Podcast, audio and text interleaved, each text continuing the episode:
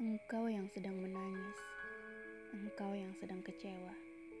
Bukankah Tuhan telah menjamin padamu bahwa menggantungkan hidup kepada manusia, bahwa mempercayai janji manusia adalah penyebab paling sederhana dari kegagalanmu memahami kehidupan.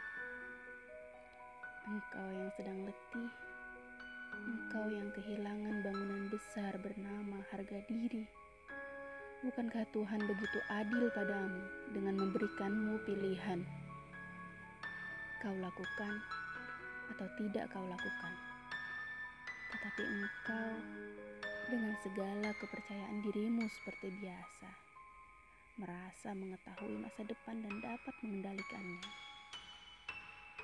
Engkau yang sedang sakit, engkau yang hilang di ruang kosong dan gelap dalam dadamu Tuhan masih memanggilmu. Suara azan masihlah disampaikan pada telingamu. Namamu tidak ditulis di pintu-pintu masjid untuk dilarang masuk. Al-Quran tidak pernah melarang tanganmu menyentuhnya. Biarkanlah telingamu beristirahat sejenak dari saran-saran manusia yang membohongimu Dengarkanlah panggilan azan yang setia.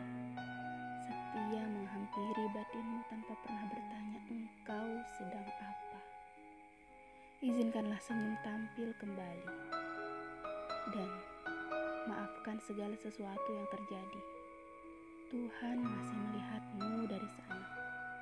Tetapi engkau sedang dilanda prasangka-prasangka. Engkau yang sedang sendirian engkau yang hilang kepercayaan kepada semua orang.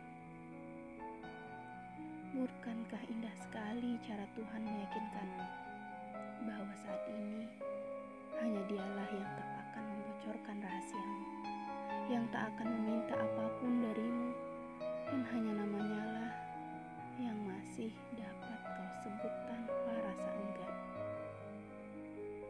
Kalau engkau bertanya, saat itu Tuhan di mana?